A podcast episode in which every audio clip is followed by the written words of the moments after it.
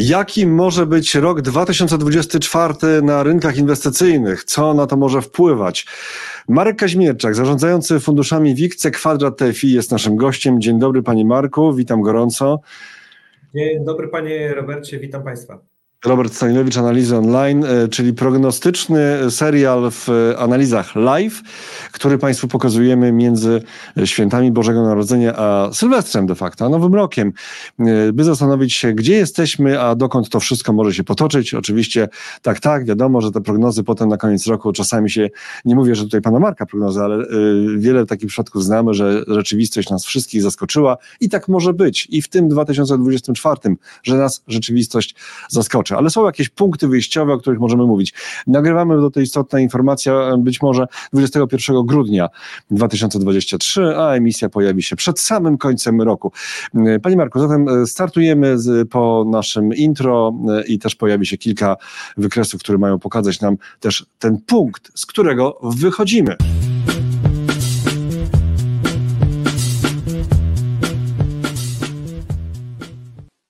No i właśnie już jesteśmy. Gdzie jesteśmy? Pozycjonowanie, pozycjonowanie rynku. Co to znaczy i jak, jaki background nam to opowiada na ten moment? Tak jest. To jeszcze raz witam Państwa bardzo ser, ser, serdecznie. To może od czego chcielibyśmy zacząć, bo kiedy my myślimy sobie o 2024 roku, to myślimy sobie, jaki był ten 2023. No on jest rewelacyjny. Pobiliśmy inflację, akcje po, pobiły inflację jako kategoria E, obligacje również zachowały się dobrze, czy nawet bardzo dobrze. Oczywiście nieco słabiej niż akcje, natomiast można było zarobić bardzo dużo pieniędzy w minionym roku i odrobić część strat, albo nawet całe straty z 2022 roku, w zależności od strategii, które, które, które mieliśmy w swoim por, por, portfelu. Teraz sprawa jest taka, że kiedy my się zastanawiamy, gdzie dzisiaj jesteśmy, to warto wrócić do tego okresu między lipcem a sierpniem 2023 Czyli gdzie tak naprawdę wystartowaliśmy, żeby znaleźć się w tym punkcie, jakie było pozycjonowanie, bo to był rok, gdzie pozycjonowanie rynku było negatywne, czyli miało być tak pół na pół w zasadzie, czy, czy nie wiadomo, czy było czy, czy soft landing, czy było, miała być recesja. Wyszedł scenariusz soft landing i w tym scenariuszu, gdzie inwestorzy byli niedoważeni w akcje, to, jest, to, to są dane tutaj z Bank of America, e, globalizacji. Ankieta, a z ankiety słynnej tak Bank of America, tak? Mhm. Tak jest, tak jest. I inwestorzy stopniowo zwiększali alokacje, czyli, czyli, czyli ci inwestorzy instytucjonalni, którzy inwestują w akcje, stopniowo zwiększali alokacje do poziomu inwestorów detalicznych. I teraz, jak sobie zobaczymy, gdzie my jesteśmy tak naprawdę dzisiaj. No, tak, spójrzmy, spójrzmy sobie z bliska tej, na te wykresy i jeszcze proszę opowiedzieć, dlaczego to jest ważne dla myślenia o tym, co się może wydarzyć w 2024 roku. Tak jest. I my z tych poziomów, gdzie byliśmy niedoważeni, tak naprawdę, to jest takie te słupki, takie pionowe, lekko niebieskie, mhm. byliśmy niedoważeni, można powiedzieć, w akcjach przez e, sporą część tak naprawdę końcówki 2022-2023. De facto dane na wczoraj, mm, czy przedwczoraj, de facto dosyć świeże, to z tego samego banku, wskazują, że jesteśmy już przeważeni. To znaczy, że przez te ostatnie kilka miesięcy my się przeważyliśmy i dzisiaj inwestorzy mają w swoich portfelach akcje. To znaczy, że te akcje, że tak powiem, wróciły do takiego poziomu dodatniego, można powiedzieć, co oznacza nie mniej, nie więcej, że ten sentyment odwrócił się w sposób istotny, czyli jest dużo więcej pozytywnego nastawienia wśród inwestorów, co ma w swoje dobre i niedobre w sensie strony, bo jednocześnie mamy takie te nastroje, które są takie krótkoterminowo też badane, tak zwany ten Fear and Grid Index, mhm. też poziomów grid, czyli tej chciwości, czy nawet ekstremalnej chciwości, i teraz to oznacza nie mniej, nie więcej, że rynek wskazuje na oznaki krótkoterminowego przesycenia, czy nawet takiego mm, nadmiernego optymizmu. Czyli tutaj, kolejny, tutaj kolejny obrazek od Pana, tak? Że te, tak właśnie na tego stopniowego zwiększania. Proszę opowiedzieć. Tak, to jest drugi element, czyli jeżeli zastanawiamy się nad tym, jak zachowywali się w ogóle inwestorzy, a w szczególności inwestorzy ci, tacy mówię, instytucjonalni, którzy jakby mają dużą siłę e, rażenia, że tak powiem, jeżeli chodzi o e, poziom inwestycji taki nominalny, to ci inwestorzy de facto zwiększali swoje alokacje w ciągu roku. A tak naprawdę było bardzo pod, dużo też jakby inwestorów, którzy jakby skracali te, jakby, czy mieli pozycje krótkie e, w ciągu roku i zostali, że tak powiem, przyciągnięci przez rynek, co spowodowało jeszcze dodatkowy impuls w końcówce roku. I to wszystko, że tak powiem, zostało w sposób taki no, z miesiąca na miesiąc znajdowało swoje odzwierciedlenie w tych, w tych, w tych wy, wy, wycenach i my widzimy to dzisiaj tak, że te obawy o recesję, one jakby wyparowały z rynku pod, pod koniec roku i grany jest tak zwany soft landing, taki, że no już jakby rynek nie tylko, że tak powiem, że tak powiem, zgadza się z Fedem, ale wyprzedza to, co mówi Fed. I to, i to mniej więcej tyle oznacza, że grany jest pozytywny scenariusz na 2024 rok. To jest, mówimy, że mamy hossę dalej na, na rentownościach obligacji, tak, które doszły do 5,5%, te, dziesięcioletnie i teraz mamy praktycznie poziom 3,90, więc to był ogromny ruch w ciągu kilku miesięcy, a to jest ostatni element, który jest jeszcze ważniejszy, o którym my też mówiliśmy też na Państwa, a na, na, na, mhm. na, na forum. W naszym kanale, w naszym kanale, tak, tak. Mhm. Tak. E, e, ze sztuczną inteligencją. Tam była taka mniej więcej mm, debata dotycząca tego, kto wygra, czy AI, czy małe i średnie spółki. Okazało się, że jedni i drudzy zachowali się świetnie, w sensie takim, że u nas politycznie się rzeczy odblokowały i rynki akcji ruszyły, natomiast temat ze sztuczną inteligencją, on żyje, ma się świetnie, w sensie takim, że te spółki, nie tylko te mega kapy, te big techy, ale i średnie spółki, czy tam duże i średnie, również do wiosny pozostały, czyli ta wspaniała siódemka to nie tylko była wspaniała siódemka, jest tak naprawdę tysiąc spółek, które się doskonale zachowało z branży technologicznej, natomiast nadal spora część jest jeszcze daleko, daleko od swoich szczytów z przełomu 2021 i 2022 roku, więc nadal jest bardzo duża spółek, tak w szczególności tych long duration, pomimo nawet ostatnich wzrostów, gdzie one są nadal daleko od swoich szczytów, więc można powiedzieć, że to AI nadal będzie też tematem w 2024 roku. Ale to ciekawe... No, Wspomniał tak. Pan, to ciekawe, trzy kropki, wspomniał Pan o tym, że mniejsze spółki się ruszyły, ale też w Stanach Russell 2000, prawda, czyli te mniejsze spółki tak. też się ruszyły, tak? A tam bardzo długo się niewiele działo. E, czyli co? Czyli to jest taki wiatr, e, sztuczna inteligencja jako wiatr, który będzie dołu w żagle hossy e, już szeroko, nie tylko ten, e, ten wąski, ta nieznośna wąskość rynku, e, tylko też już szeroko? To jest perspektywa na 2024? Dokładnie to się dzieje. Natomiast może być to nawet jeszcze troszeczkę inaczej, bo jeżeli porównamy sobie to troszeczkę do takiej, powiedziałbym, paszczy aligatora, gdzie ta górna część, tak powiem, szczęka, to były, że tak powiem, spółki technologiczne, te największe, które wycenowo bardzo mhm. odśrednio odbiły w górę. To też pokażemy, pokażemy zaraz na slajdach. Natomiast ta część tak zwana, ta, ta, ta niżej wyceniona, czyli tego z Russell 2000, ona została daleko, daleko, daleko w tył. Naprawdę różnica zrobiła się wręcz absurdalna w pewnych e, momentach.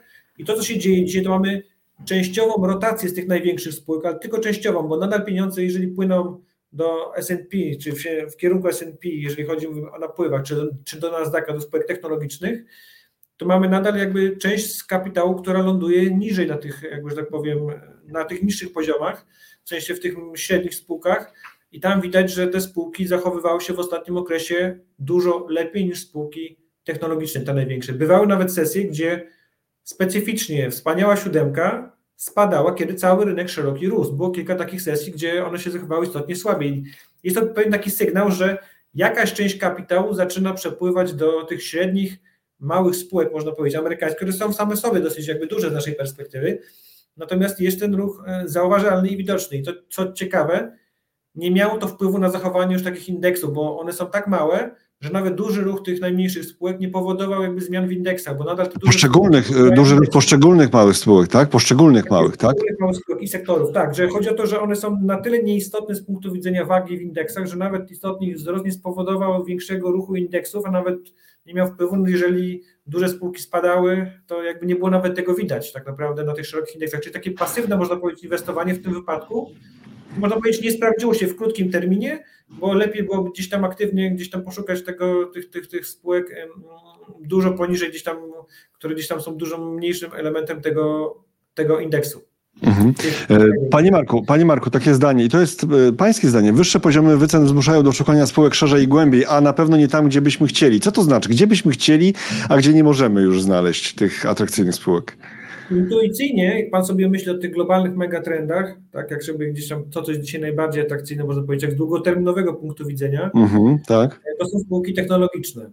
I spółki technologiczne wykonały wspaniałą pracę. Nie tylko taką pracę u podstaw, mówię, z cięciem kosztów, jakby z dowiezieniem. Nie tylko biznesową, nie, nie tylko biznesową, ale także wynik rynkowy, i, tak? Inwestycyjny. Tak jest. I stopy zwrotu były fenomenalne w tym roku. Trzeba przyznać, że jeżeli ktoś dobrze dobrał portfel, to dało się zarobić i te 50%. Jeżeli ktoś miał Nasdaq 100 sam, to też około 50%. Takie stopy zwrotu nie zdarzają się często i trudno, żeby powtórzyły się w kolejnym roku. Intuicja mówi nam, że w przyszłym roku może być pewna rotacja, ale te spółki nadal biznesowo dowiozą te wyniki. Nawet jeżeli będzie, bo teraz już mamy znaczy, trudniejsze środowisko, można powiedzieć makroekonomiczne, mamy wiele sytuacji takich na świecie, które nie sprzyjają ogólnie zwiększaniu aktywności biznesowej, natomiast te spółki radzą sobie doskonale, bo mają bardzo dobry produkt, którego klienci dzisiaj chcą. I to widzimy, mniej więcej widzimy to tak, że intuicyjnie powinniśmy mieć ekspozycję na tą branżę sztucznej inteligencji cały czas gdzieś tam w portfelu. Być może nie tak dużo, jak mieliśmy w minionym roku, ale nadal powinien być to istotny komponent. Natomiast to, co jest to, gdzie mamy szukać głębiej, szerzej i głębiej, to znaczy, że musimy zwrócić uwagę na te niżej wycenione segmenty, dlatego że spadek rentowności istotnie poprawia ich sytuację. W sensie takim spadek rentowności obligacji amerykańskich, takie, że tak powiem, wymuszanie, że tak powiem, obniżek stóp trochę na, na, na Fedzie. Ja nie wiem, czy to jest tylko związane z tym, że jakby tak dobre jest to makro, bo y, y, znajdujemy i, że tak powiem, po połowie dobrych argumentów, że jest soft landing, a druga połowa historycznych takich wskaźników wskazuje na to, że mamy duże prawdopodobieństwo recesji. Jakby i obydwa scenariusze są nadal w grze, pomimo tego, że intuicyjnie wydaje nam się, że jest lepiej, tak? że, że ten spadek rentowności nieco, że tak powiem, poluzował sytuację i u konsumenta, i w największych spółkach, natomiast każdy miesiąc wysokich stóp procentowych, stóp Fedu, nadal wpływa na to, że ta bańka refinansowania przesuwa nam się trochę w przód. A im dłużej, że tak powiem, w przód oddalamy takie, powiedziałbym, takie problematyczne kwestie, e, tym więcej, więcej szans tak naprawdę biznesowych, więc można powiedzieć, że życzylibyśmy sobie soft landingu, część faktów wskazuje na to, że powinna być ta recesja, ale na końcu jak sobie popatrzymy na aktywność gdzieś tam już w firmach, to wcale nie jest tak źle. I mamy pierwsze sygnały, że tak naprawdę ożywienia w wielu obszarach, e, co nie jest intuicyjne. Dlatego mówię, warto poszukać niżej wycenionych spółek, które mają solidny bilans nadal, bo nadal te stopy są powyżej gdzieś tam średnie w ostatnich e, kilku latach. E, wcale nie muszą być to spółki technologiczne, mogą być to spółki z branży przemysłowej, pewnie częściowo surowcowej, pewnie też jakby branże takie, mówię, czy branża finansowa, są nisko wycenione dzisiaj spółki w, jak wielu, w wielu, wielu obszarach i wydaje się, że takie dodanie tego komponentu będzie interesujące. Proszę też popatrzeć, że nadal bardzo słabo zachowywały się spółki z branży chociażby z branży detalicznej, consumer staples, tak, które do tej pory gdzieś tam całkiem nie sobie radziły, ale też zostały w ostatniej fazie no, słabo sobie radziły, dopiero teraz jakieś odbicie mamy. E, branża ochrony zdrowia, branża ta medyczna, bardzo słabe, coś jak branża farmaceutyczna, biotechnologiczna, bardzo słabo sobie radziły, więc mamy tą dużą pulę spółek, e, czy z branży energetycznej, czy z branży paliwowo-gazowej, które sobie słabo radziły, po prostu były underperformerami w minionym roku i więc tam będzie dużo łatwiej znaleźć spółki, które nie są takie intuicyjne, które mają solidne bilanse, dowiozą dywidendy czy buybacki i będzie można mieć solidne stopy zwrotu. Więc taki risk reward jest tam dużo lepszy dzisiaj niż technologii, która nadal powinna sobie radzić bardzo dobrze, ale wyceny już niejako mhm. zdyskontowały to niejako e, takie dobre środowisko biznesowe dla tych firm, więc można powiedzieć tak, że pomimo dobrego środowiska, dobrego otoczenia być może w przyszłym roku, warto będzie spojrzeć na takie sektory, które są po prostu niżej wycenione dzisiaj. Mhm. Zostawiamy Stany.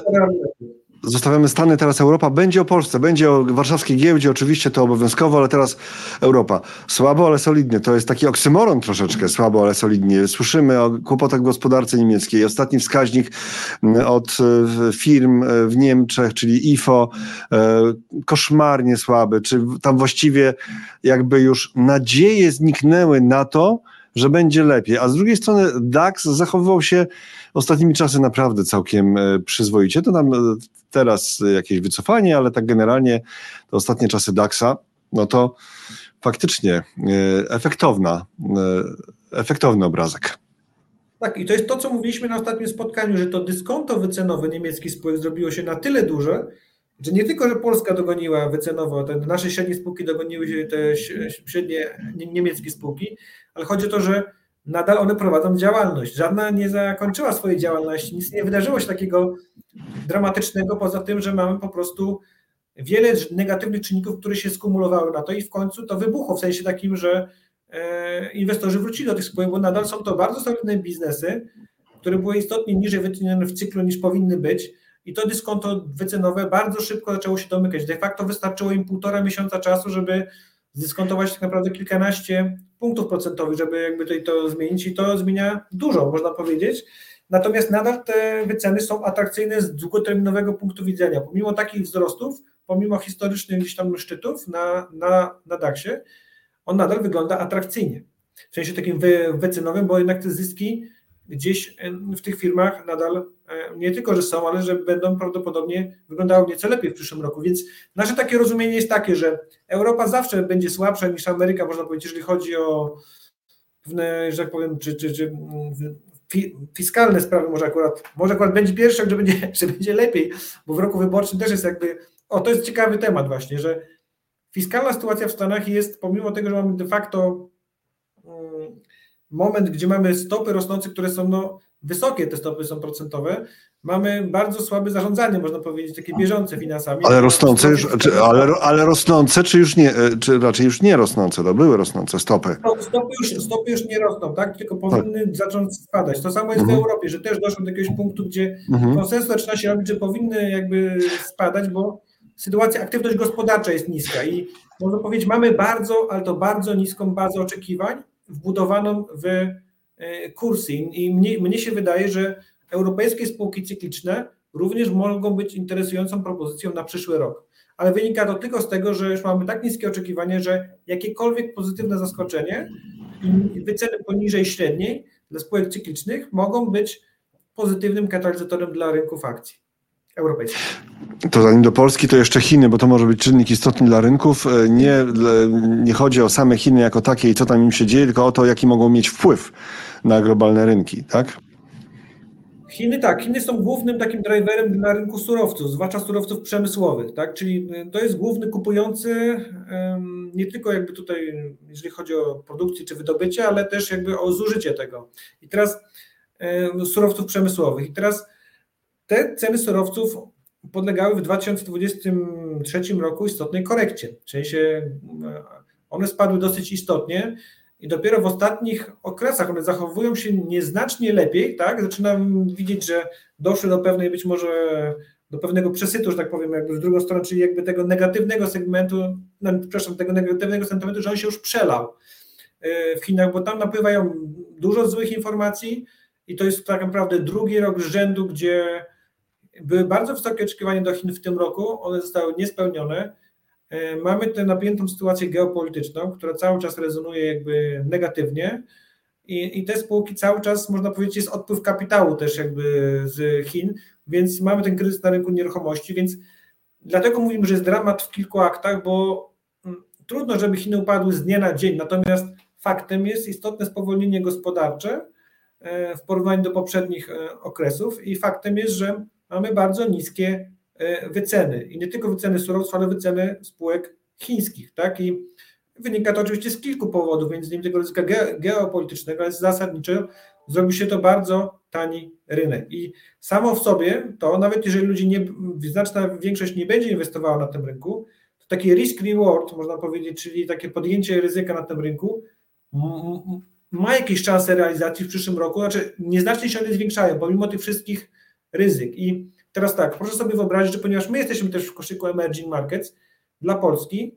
byłby to pozytywny sygnał. Podobnie jak dalsza, można powiedzieć, aprecjacja rynków akcji tutaj na, na rynku niemieckim. I więc rynek niemiecki również jest jakby zależny od tego, czy spółki niemieckie są zależne od tego, co się dzieje w Chinach. Więc zaczynamy być powiązani jakby w tym takim ekosystemie, że że te relacje takie między dużymi gospodarkami wpływają też na gospodarkę Polski i mogą być pierwsze pozytywne sygnały po prostu, mm, które wynikają z nieco większej aktywności gospodarczej w tych obszarach. Oczywiście nie widzimy tego na razie w danych, że też wszystko tam się dzieje, można powiedzieć, idzie w złym kierunku, ale to jest tak, że po kilku takich właśnie kwartałach bardzo słabych przeważnie jest jakby, gdzieś znajdujemy jakiś poziom równowagi nowy, i powoli zaczyna się to odbudowywać. To, kiedy to momentum zaczyna się zmieniać, e, wtedy zaczynają się, że tak powiem, e, też dostosowywać rynki czy surowców, czy rynki, które są gdzieś tam pochodną tego, tak? Więc będzie to widać i w Chinach, i w Niemczech, i w całej gospodarce Unii Europejskiej, która też jest w jakimś stopniu zależna od tego, co się dzieje w Chinach. Więc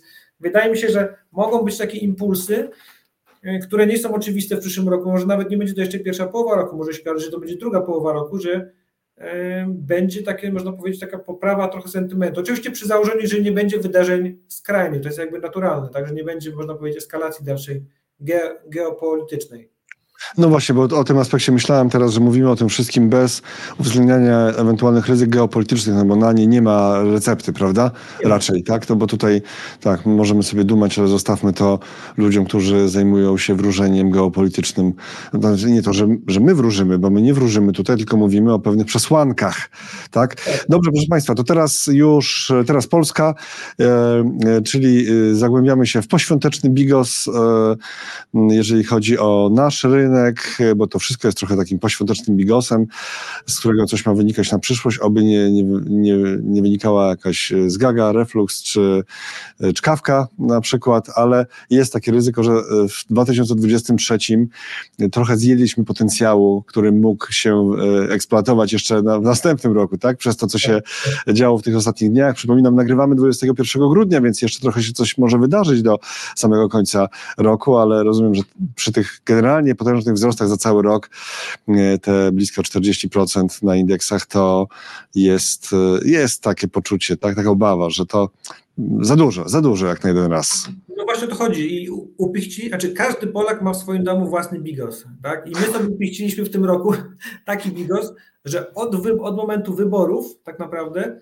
do momentu zaprzysiężenia rządu zrobiliśmy praktycznie cały performance, można powiedzieć, taki istotny który no, teoretycznie daje nam szansę dalszych wzrostów, tak, tak wychodzi gdzieś tam z, też z prognoz analityków, z konsensusowych, że mamy spokojnie te plus minus 10% z tych poziomów, nawet więcej, jeżeli ktoś tam wcześniej wydawał te prognozy, ale chodzi o sam fakt, że musiałaby spaść premia za ryzyko dla polskiego rynku akcji, bo na dzień dzisiejszy jesteśmy na średniej. Jesteśmy na dziesięcioletniej średniej, to znaczy, że nie jest już bardzo tanio, nie jest tanio, jest po prostu na średniej. Czyli wróciliśmy, tak powiem, do przyzwoitych poziomów wyceny, co jest pozytywne samo w sobie, natomiast patrząc w górę, my musimy dowieść wzrost zysków w przyszłym roku, czyli że tak powiem, nie tylko biznesowo musi być w miarę solidnie, a powinno być lepiej, bo PKB nam urośnie, mamy inflację na poziomie według teraz nowych prognoz 6,6%, to jest chyba na, najnowsza pro, pro, pro, prognoza. Odczyt, od, czy odczyt, no tak. Tak, mhm. ale chodzi o sam fakt, że jakby, że nominalnie w takim razie idziemy w kierunku 7-8%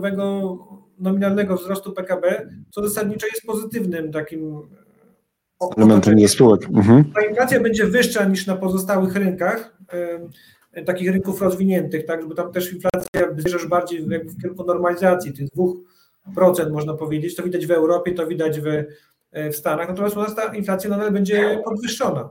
Proszę nas teraz przeprowadzić przez ten, e, przez ten obrazek. Absolutnie. I to jest, to jest jakby największy taki klucz, który jest, można powiedzieć, naj, najbardziej istotny, gdzie dzisiaj jesteśmy w relacji do tych e, średnich wycen za ostatnie 10 lat, bo wzięliśmy tutaj kilka dat. Z 30 października 2023, czyli to jest końcówka korekty na rynkach akcji, trzymiesięcznej korekty. Wtedy mieliśmy sytuację, że Nasdaq 100 znajdował się bardzo blisko swojej średniej, można powiedzieć, wyceny. S&P nieco powyżej średniej, ponad 10% tam powyżej swojej historycznej 10-letniej średniej.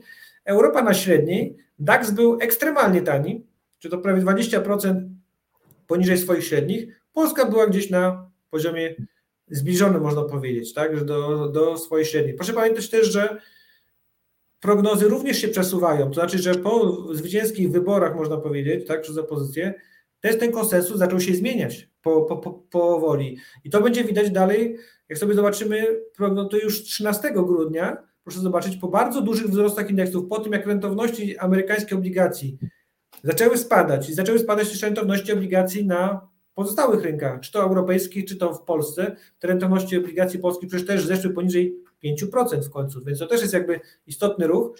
E, u nas nadal zostaliśmy na średnim, bo już jakby też prognozy, można powiedzieć, się przesunęły, czy można powiedzieć, czy, czy, czy, czy, czy, czy wy, wyniki. Natomiast DAX zrobił bardzo duży ruch, europejskie akcje również średnio zrobiły, natomiast amerykańskie akcje zachowywały się świetnie w tym okresie. tak naprawdę mieliśmy tak niską zmienność, że tam WIX spadł do poziomu 12-13 tak naprawdę. Dopiero sesja z 20 grudnia, gdzieś tam korekta o 1,5%, dopiero pierwszy większy spadek tam przez ostatnich, no tak naprawdę ostatnie dwa tygodnie nie było takich spadków, więc pierwszy większy spadek dopiero teraz gdzieś tam po półtora miesiąca tak naprawdę bardzo silnych wzrostów. I teraz patrzymy sobie na to dzisiaj, mamy z 20, teraz 20 grudnia, proszę zobaczyć sobie, że jesteśmy 30 ponad procent powyżej średniej dla indeksu S&P i ponad 20% dla indeksu Nasdaq. I znaczy nie jesteśmy, ale uwaga, jesteśmy, bo jak pan mówi jesteśmy, to to może komuś się e, to nieszczęśliwie zrozumieć, że my jesteśmy na to. Chodzi o to, że tak. S&P e, ma tak wysoko... Mhm. Oczywiście tak. o, o S&P, które jest 30% wyceny powyżej swojej średniej, czyli można powiedzieć, że spółki wschodzące w skład indeksu S&P są średnio dzisiaj wyceniane 30% powyżej swojej 10-letniej średniej. To bardzo dużo, się wydaje, czy to nie jest? Standardowe. To jest ponad jedno odchylenie standardowe, mm -hmm. zbliżamy się do dwóch a, w, a w szczytach Hossy ile bywało, pamięta pan? Ile ta no, wielkość? się przeważnie do dwóch. To już jest taki poziom, gdzie już jest taki zauważalny i to jest gdzieś tam powoli się zbliżamy do ekstremu. Ale zaraz, zaraz, to znaczy do, do, do ilu się w sytuacjach ekstremalnych dochodzi? Tutaj mamy 32% i 0,4. To w ekstremalnych sytuacjach do ilu dochodziła ta miara? Nie pamięta pan tak z marszu. Bardziej, nie pamiętam teraz dobrze, to jest bardziej dwa odchylenia standardowe, to już jest jakby istotne, odchylenie standardowe w górę. Dobrze, to, a właśnie, do dwóch odchyleń standardowych, tutaj mamy trochę powyżej jednego odchylenia standardowego, półtora, tak? Półtora. Półtora, półtora dla S&P, a dla Nasdaqu to jest to jedno odchylenie standardowe powyżej średniej. Mhm. Teraz tak, można to uzasadnić tym, Czyli dla Nasdaqa, przepraszam, przepraszam, dla Nasdaqa to byłoby na przykład 46% ponad, to już był taki, e, taka e, wycena, tak? Tak, po, powiedzmy, że tak. Że, że wyżej niż standard y, to tak. byłoby aż tak, tak? Także jeszcze trochę jest tak, w tych miejscach, aczkolwiek jesteśmy w takiej strefie, że trudno powiedzieć, że to jest bardzo wielka okazja, chyba że te spółki Panie Marku, ten AI do, przyniesie takie pieniądze gigantyczne po prostu, że nagle się okaże, że te wszystkie wyceny to czy można sobie było, wie pan, w buty włożyć, bo świat się zmienił i oni zarabiają po prostu takie góry pieniędzy że wszystkim szczęki opadło, opadły. To jest prawda, natomiast zawsze jest tak, że y, te wyceny mogą być wyższe w momentach, kiedy rentowności obligacji spadają. To znaczy, kiedy te warunki, kiedy my wyceniamy te spółki właśnie mierząc tą stopę wolną od ryzyka, powiedzmy, która teraz spada istotnie, mhm. to ma przełożenie na wyceny spółek. I można to uzasadnić tym, że rentowności spadają, a zatem jakby jest możliwość, żeby te y, ta premia wycenowa utrzymywała się na wyższym poziomie. I to jest jakby, i to jest naturalne. W takich momentach jest to możliwe. I w takim momencie teraz też jesteśmy. Jeżeli dalej będą rentowności spadały, to ta premia będzie jeszcze wyższa do tej historycznej średniej, bo takie dzisiaj wyceny możemy akceptować jako inwestorzy. Czyli, że warunki, można powiedzieć, prowadzenia polityki pieniężnej sprawiają, że akceptujemy wyższy poziom wycen. Natomiast mówi nam to też jedną rzecz, że taki potencjalny risk reward, taki, czyli tak naprawdę podejmowanie ryzyka przy takich wycenach no jest nieco na wyższym poziomie, można powiedzieć. Podejmujemy więcej ryzyka niż powinniśmy. Okej, okay, ale to były Stany, ale, ale my, mówi, my mówimy o Polsce przede wszystkim w tym fragmencie naszej rozmowy, a tutaj Polska jest 0, 0, 0, tak? Czyli co? Czyli jest na średniej, nie jest poniżej, tak. ale jest na takiej wieloletniej średniej, tak? Tak, czyli teraz wniosek jest taki, że jeżeli jest na wieloletniej średniej, to powinniśmy się zagłębić, jak naprawdę pójść w selekcję spółek, czyli co faktycznie jest istotnie droższe, co jest istotnie tańsze do w swoich sub, sub, subsegmentach. Tak? I, my, I teraz my wiemy, że istotnie przesunęły się oczekiwania dla zyskowności banków. I prawdopodobnie gdzieś tak zwane plato takich wyników jest przed nami w 2024 roku, to znaczy, że będzie stabilizacja wysokiego poziomu zysków tak, w sektorze bankowym. Natomiast zmniejsza się ryzyko dalszego, że tak powiem, podnoszenia prognoz dla tego sektora. Więc trzeba mieć to z tyłu głowy, że będą solidne dywidendy, wyceny nadal są atrakcyjne, natomiast tam taki potencjał do zwiększania prognoz sektora bankowego uległ zmniejszeniu. I teraz y, rynek akcji w pozostałych sektorach no, musimy dowieść, że tak powiem, wzrost zysków, czy przynajmniej powinny być jakieś katalizatory dla tych se, se segmentów. I teraz, kiedy my sobie zaczynamy się zagłębiać w te sektory, to widzimy, że nie jest taki różowy ten scenariusz. To znaczy, że mamy subsektory, które mogą zachowywać się, na przykład, czy sektor surowcowy, który jest też nisko wyceniony, ale widzimy, że jakość naszych spółek na tle światowych konkurentów przy potencjalnym wzroście, mówię, cen surowców w przyszłym roku trochę lepszym niż można by się spodziewać, że tam nie ma takiej jakości. Wcale nie musimy się idealnie zachowywać z nimi. To jest jedna taka rzecz. A druga jest taka, że nadal mamy średnie i małe spółki, e, które sobie radzą dobrze czy bardzo dobrze. I tamten, można powiedzieć, wzrost zysków jest dużo pewniejszy. I nam się wydaje, że jak sobie to wszystko zbierzemy razem, to niewiele będzie trzeba, żeby, żeby te kilka procent w przyszłym roku rosnąć. Już samych dywidend, bo wydaje nam się, że sytuacja dywidendowa będzie na tyle solidna, że takie nisko dwucyfrowe poziomy stopy zwrotów z indeksu są prawdopodobne i wynikają tylko i wyłącznie z tego, że sytuacja bilansowa, sytuacja gdzieś tam, jeżeli chodzi o taką działalność operacyjną, jest na tyle dobra, że mm, spółki dowiozą te wyniki. A skoro mamy nadal duże zainteresowanie polskim rynkiem, to wydaje nam się, że te, ten napływ gotówki na nasz rynek, to jeżeli będzie kontynuowany, to on niejako naturalnie będzie pchał te rynki nieco w górne poziomy, można powiedzieć. I oczywiście jest większe ryzyko prawdopodobieństwo korekty na rynkach zagranicznych z uwagi na te właśnie wyceny powyżej średniej, chociażby czy, czy, czy, czy w Ameryce, czy to średnio w Europie. Natomiast y, i Polska i Niemcy są relatywnie nisko wycenionymi jakby tutaj rynkami. Nawet jeżeli będzie korekta, to wydaje nam się, że nawet tutaj jesteśmy w stanie zachować się lepiej niż, niż reszta świata. Więc może być taki, taka sytuacja znowu, że Polska da solidnie zarobić, w sensie solidnie mhm powiedzmy nisko dwucyfrowo, może jednocyfrowo, wychodzi tak to z, z, z modeli, z tym wskazaniem, że będzie to nieco zależne od tego, co się będzie działo na świecie, w sensie takim, jeżeli będą warunki ku temu, bo, bo ryzyko korekty na świecie wzrosło, w sensie takim z uwagi na ten bardzo silny wzrost, e, bardzo silny wzrost indeksu w, ostatnich, w ostatnim okresie czasu i w jakim stopniu również przełoży się to na nasz rynek, więc można powiedzieć, 2024 rok będzie podobnie zmienny jak 2023, tylko będą zupełnie inne, można powiedzieć, katalizatory, że jesteśmy dzisiaj w fazie, gdzie te rentowności obligacji spadają, gdzie mamy de facto luzowanie polityki e, znowu monetarnej na świecie, że mamy bardzo dużo obniżek stóp procentowych albo te, które są prognozowane i wydaje się, że brzmi to aż zbyt dobrze nawet dla tych rynków akcji, dlatego że e, wydaje się, że zawsze w każdym roku była jakaś niespodzianka w ostatnich latach. I teraz pytanie jest, co może być znowu tą niespodzianką w tym nadchodzącym nad, nad, nad mm, No tak. I nam się Cza, o czarnych, o czarnych łabędziach nie rozmawiamy, bo skoro mają być czarnymi e, łabędziami, to o nich nic nie wiemy w tym momencie. Pani Marku, na koniec e, pokazuje warszawski indeks giełdowy WIG, który w ciągu od początku roku do 21 grudnia, kiedy to nagrywamy naszą rozmowę do godziny 14 e, zrobił 36,8, od, czyli wynik naprawdę imponujący, prawie 40% w ciągu prawie całego roku. 78 tysięcy punktów, 600, trochę ponad 70 78 600 punktów, tak? To ile do końca pierwszego kwartału, jeśli nie będzie żadnego czarnego łabędzia geopolitycznego, jakiegoś takiego zdarzenia wywracającego stolik zupełnie, to e, ile WIG, WIG, WIG, Warszawski Indeks Giełdowy, na koniec pierwszego kwartału? Absolutnie tego nie powiem. Nie wiem. Tak jak mówiłem, będzie bardzo zmienny rok. Wydaje mi się oczywiście, że powinniśmy skończyć bliżej 85-90 tysięcy. Ale ten kwartał czy rok? Ale ten kwartał czy rok powinniśmy skończyć na bliżej koniec, tej wielkości? Na koniec, a, na koniec. Ja pytam o kwartał tylko. Tylko kwartał pytam, tak. Dużo się nie wydarzy. Czyli? Zostaniemy gdzieś w tym miejscu, gdzie jesteśmy, dlatego że już mamy tylko kilka sesji tak naprawdę. Nie, ja mówię o rok, pierwszy kwartał 2024.